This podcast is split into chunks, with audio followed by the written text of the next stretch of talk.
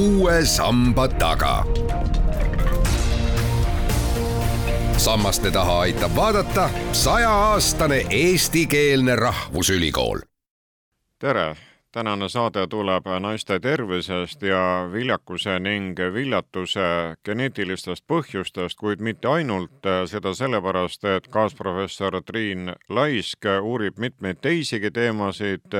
ning Madis asi on siis esitada küsimusi, et täpsemat teavet jagada, mis juba on klaar ja mis nõuab selgitamist. mille vastu te naiste tervise puhul täpsemalt huvi tunnete? tere kõigile ka minu poolt ja see on tõesti hea küsimus, sellepärast et naiste tervis on väga lai mõiste ja katab väga erinevaid teemasid ja probleeme ja nii on ka minu teadustöö siis erinevate aegade jooksul väga erinevaid teemasid äh, puudutanud,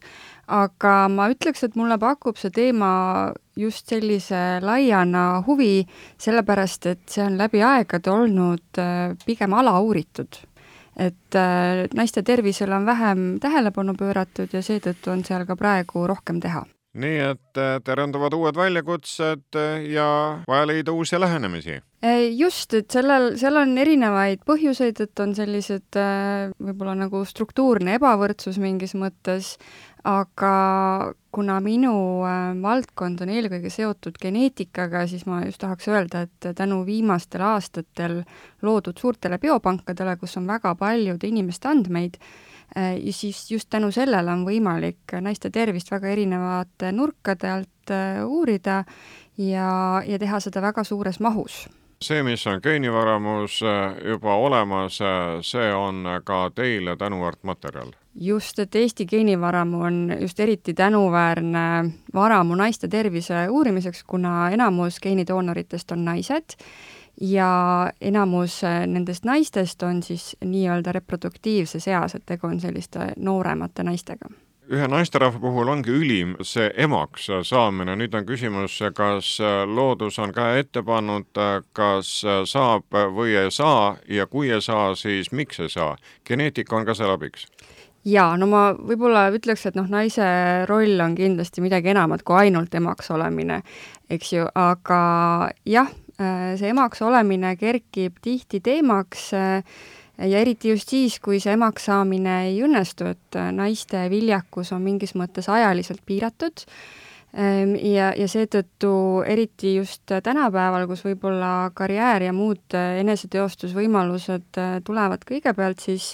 siis mingil hetkel äh, mingisugune osa naistest avastab, et nad tegelikult äh, ei saagi enam loomulikul teel emaks saada, et äh, siis see loomulikult muutub murekohaks. kas see murekoht on kasvava suurusega, ehk järjest enam on neid naisi, kes mingil põhjusel ei saa? see sõltub natuke, millisest riigist me räägime, et eks ole, riigiti on need trendid erinevad, aga kui me räägime nii-öelda arenenud riikidest või lääneriikidest, äh, siis seal jah, et järjest äh, levinumaks muutub vanusest tingitud viljatus. kuidas on lood meil Eestis? No veel paar aastat tagasi oli Eesti selles mõttes huvitav erand mingis mõttes, et meil oli kõige levinumaks viljatuse põhjuseks naistel just äh, munajuhade sulgusest tingitud viljatus ja see, seal on siis põhiteguriks äh, näiteks sugulisel teel levivad haigused. aga kuna inimeste teadlikkus selles osas on äh, natukene paranenud, siis on selle munajuhaviljatuse osatähtsus vähenenud ja tõesti, kuna ka Eestis esmasünnitajate vanus järjest tõuseb, siis üha rohkem naisi on siis silmitsi vanusest tingitud viljatusega aga paljude haiguste puhul äh, on nii või paljude murede puhul, et on noh, kindel protsent, et populatsioonist vaat nii ja nii palju on äh, näiteks pimedaid, on kurte. kas viljatuse puhul on ka, et äh, on nagu teada, et mingisugune suurusjärk naistest noh, nagunii ei saa emaks? No kui me räägime laste saamisest ja viljakusest, siis äh, võib-olla peaks natuke kaugemalt alustama, et see on see on paari funktsioon, et selleks, et saada järglasi, on vaja nii munarakku kui seemnerakku. Seega me saame rääkida viljatutest paaridest eelkõige ja siin on nüüd hinnatud, et viljatusprobleemide käes võiks kannatada kuskil viisteist protsenti kõikidest paaridest.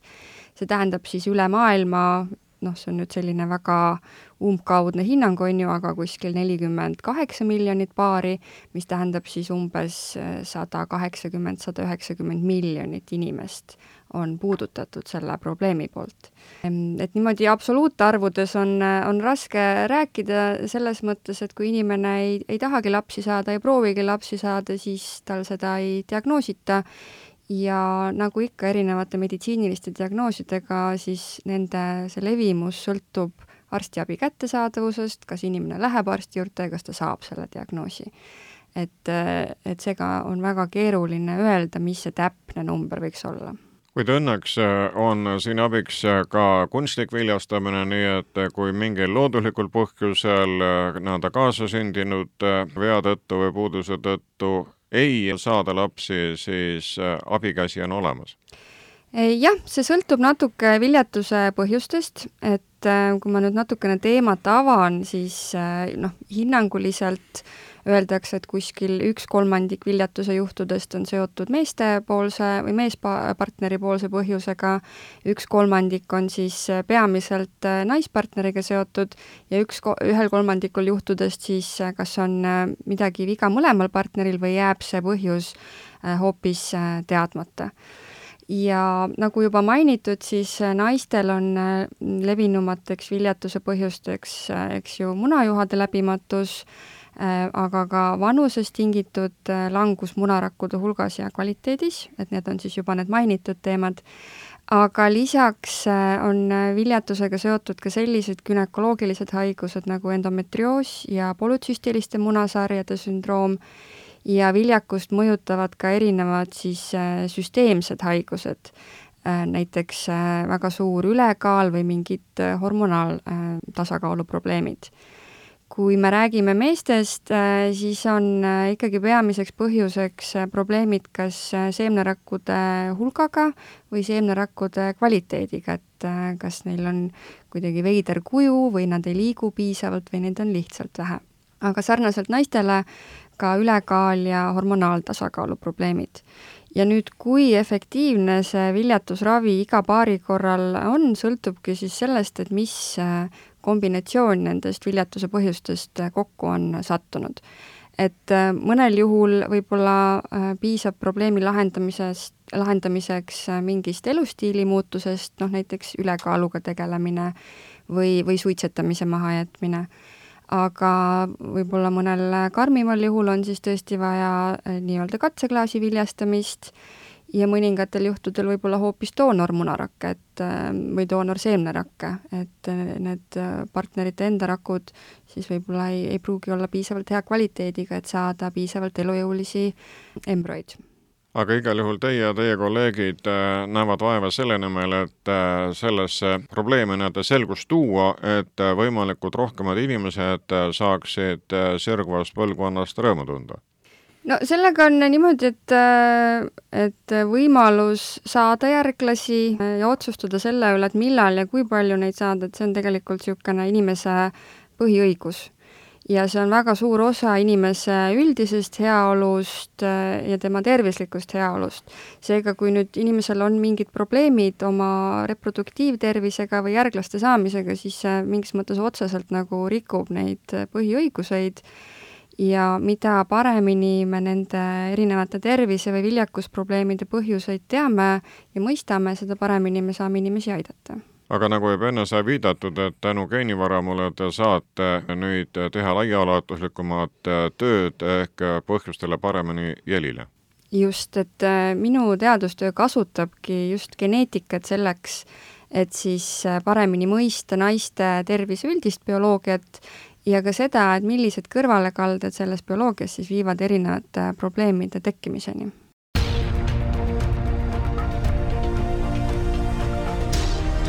Uue samba taga. sammaste taha aitab vaadata sajaaastane eestikeelne rahvusülikool. Võtame uue teema, kaasprofessor Triin Laisk, sellepärast et teil on mitmeid küsimusi parasjagu käsil kuni siis ravimi kõrvaltoimeteni välja, kuid enne seda räägiksime mõne sõnaga emakakaelavähi uuringutest just, et äh, alates äh, selle aasta algusest on mul siis äh, käsil nelja-aastane projekt Eesti riigi rahastusega, mis äh, siis äh, tegeleb emakakaelavähi geneetiliste tekkepõhjuste parema mõistmiseni jõudmisega, et äh, me uurime, mis meie geneetikas suurendab vastuvõtlikkust emakakaelavähile ja me uurime ka seda, et kas me kuidagi seda teadmist saaksime kasutada siis äh, inimese riski paremaks hindamiseks, et me võib-olla saaksime täpsemalt äh, suunata kas screening programme või vaktsineerimist või üldse me saame seda infot kasutada näiteks vähi kulu hindamiseks, et äh, kas see on agressiivsem, kas seal tekivad mingid metastaasid kiiremini, et, äh, et kõike seda me saame geneetika abil teha. Üks, mis teil on anda päris värske vist, on see ravimite kõrvaltoime jaa, et see on äh, siis hetkel äh, geenivaramus käimasolev uuring, äh, kus kõikidel geenidoonoritel siis palutakse anda tagasisidet selle jaoks loodud küsimustiku abil, et milliseid ravimeid nad on elu jooksul võtnud ja kas ja milliseid kõrvaltoimeid neil on sealjuures tekkinud. ja mind huvitab see teema eelkõige seetõttu, et et kuigi paljud inimesed seda ei tea, siis ravimid äh, võivad toimida meestel ja naistel erinevalt. ja seda nii ravimi efektiivsuse mõttes äh, kui ka kõrvaltoimete mõttes. ja selline uuring ongi just siis äh, väga hea võimalus koguda infot ja, ja siis vaadata, et milliste ravimite korral me näeme siis sugude kaupa erinevat niisugust kõrvaltoimete profiili, millised on näiteks levinumad äh, kõrvaltoimed erinevatel äh, rasestumisvastastel vahenditel, ka väga kuum teema,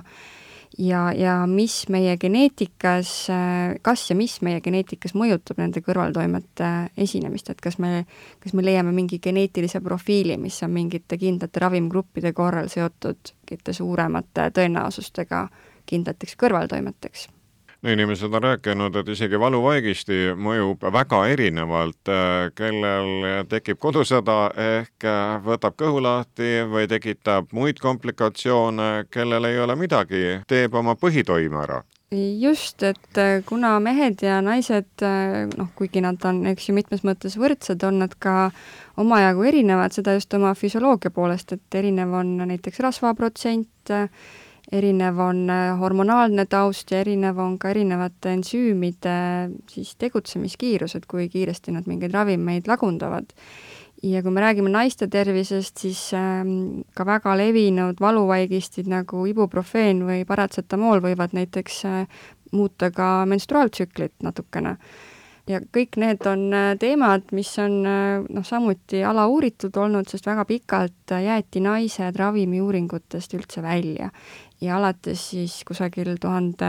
üheksasaja üheksakümnendate esimesest äh, poolest meil saadi aru, et noh, me tegelikult ei saa naisi ravida ainult meestelt äh, pärineva info baasil, et siis on see olukord natukene paranenud, aga, aga arenemisruumi on veel küll kas äh, nende kõrvaltoimete puhul te olete määratlenud ka mingid kindlad ravimid või ravimite grupid või on see in corpore kõik? Ei, inimene saab ise seal trippmenüü abil valida, milline ravimipreparaat tal kõrvaltoimeid äh, tekitas ja siin on tegelikult võib-olla oluline rõhutada, et väga väärtuslik on ka nende inimeste sisend, kellel ei ole mingeid kõrvaltoimeid tekkinud. sest äh, noh, see on ju ka huvitav, miks neil ei tekkinud, mis nende geneetikas on teistsugust. seega, kui äh, geenidoonorid praegu kuulavad, siis palun minge ja täitke seda küsimustikku, siis me saame veel rohkem ja väga head infot. enamik on ju süstitud koroona vastu, mitu süsti saanud. kas see on ka teie ampluaa? jaa, selle uuringu käigus saab anda tagasisidet ka vaktsineerimise tagajärjel tekkinud kõrvaltoimete kohta ja kui me räägime konkreetselt koroonavaktsiinist, siis äh, selle võimalik mõju viljakusele oli ju siin vahepeal väga kuum teema. Aga arvestades praeguseks vaktsineeritud inimeste hulka, siis äh, ma saan väga niimoodi enesekindlalt öelda, et ei ole leitud ühtegi tõendit selle kohta, et et äh, erinevad koroonavaktsiinid siis kuidagigi mõjutaksid äh, just naiste viljakust, aga ka meeste viljakust ei mõjuta seega kokkuvõtvalt võib öelda, Triin Laiske, et te olete alustanud mitmeid uuringuid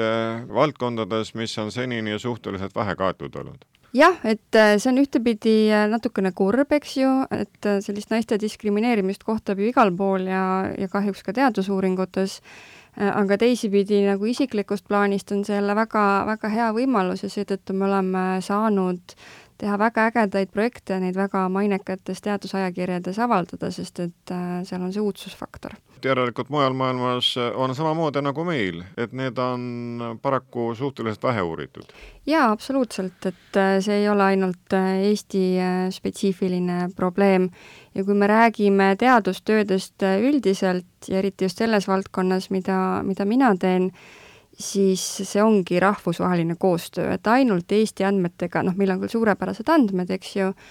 aga kui me paneme need kokku teiste riikide andmetega, siis me saame veel suurepärasemad andmed, et seetõttu on väga tore, et selliseid biopankasid on üle terve maailma, et näiteks äh, Ühendkuningriigis on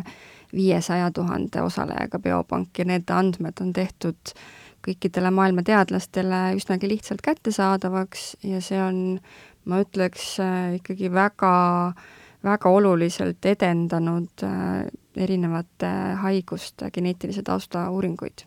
ehk siis need äh, geeniandmed üle ilma on nii-öelda ristpistes? jaa, mul on väga hea meel selle üle, sest et punkt üks, see aitab teadust kiiremini edasi viia, see on heaks eeskujuks teistele teadusdistsipliinidele, et, et koostöö ja, ja andmete vaba jagamine on sellise eduka teadustöö alus. Ja, ja kolmandaks see ikkagi äh, võimaldab äh, kohtuda väga-väga toredate inimestega üle terve maailma, et äh, mul on, mul on väga hea meel selle võimaluse üle viitasite, et nelja-aastane töö seisab ees, need järeldusteni jõuate veel? noh, nii ja naa, et esimesed äh, uuringud on meil nüüd või esimesed analüüsid on meil lõpetatud, esimene käsikiri on äh, vormistamisel ja, ja selle põhjal me saame tõesti öelda, et äh, meie geneetika vägagi mõjutab seda, milline on naise tõenäosus siis saada emakakaelavähk. Ja nüüd edasiste uuringute käigus me, me täpsemalt siis vaatame, et äh, kuidas see geneetika interakteerub äh, papilloomiviiruse infektsiooniga, sest emakakaelavähi tekkeks ikkagi üheksakümne üheksal protsendil juhtudest on vaja selle papilloomiviiruse infektsiooni. Ähm, et praeguse teooria kohaselt Ehm, meie geneetika kodeerib selle, kui hästi meie äh, immuunsüsteem selle infektsiooniga toime tuleb, et kas ta saab sellest jagu äh, või see infektsioon jääb äh, püsima ja siis emakakaela rakkudes tekivad sellised vähilised muutused, mis võivad siis õigeaegse tuvastamise puudumisel areneda edasi vähiks on järjest uusi andmeid, on järjest uusi hüpoteese ning äh, teadlased ülikoolis ongi selleks, et äh, otsida küsimustele vastuseid. absoluutselt, et otsida küsimustele vastuseid ja, ja ka selleks, et oma oma tööst rääkida, kuigi see otsene kasu teadusuuringutest võib võtta väga kaua aega noh, kui me räägime ravimiuuringutest või üldse teadusuuringutest, siis äh, kuniks see jõuab kuskile praktikasse, no sinna võib minna aastaid, kümneid aastaid, noh, võib-olla mõnest teadustööst ei saagi mingit praktilist kasu. aga üks asi, mida kõik teadlased saavad teha, on oma teadustööst rääkida ja seeläbi inimeste teadlikkust äh, tõsta näiteks kui mina täna siin räägin, eks ju, ma räägin viljakusest, viljatusest, emakakaelavähist, Need on kõik sellised äh, teemad, kus annab väga palju ära teha ka lihtsalt selle läbi, et inimeste teadlikkus suureneb ja selleks oli ka tänane saade, kus mikrofoni ees oli Tartu Ülikooli kaasprofessor Triin Laisk. teda usutles Madis Ligi.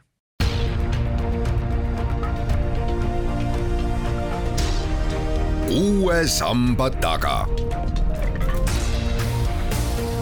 sammaste taha aitab vaadata sajaaastane eestikeelne rahvusülikool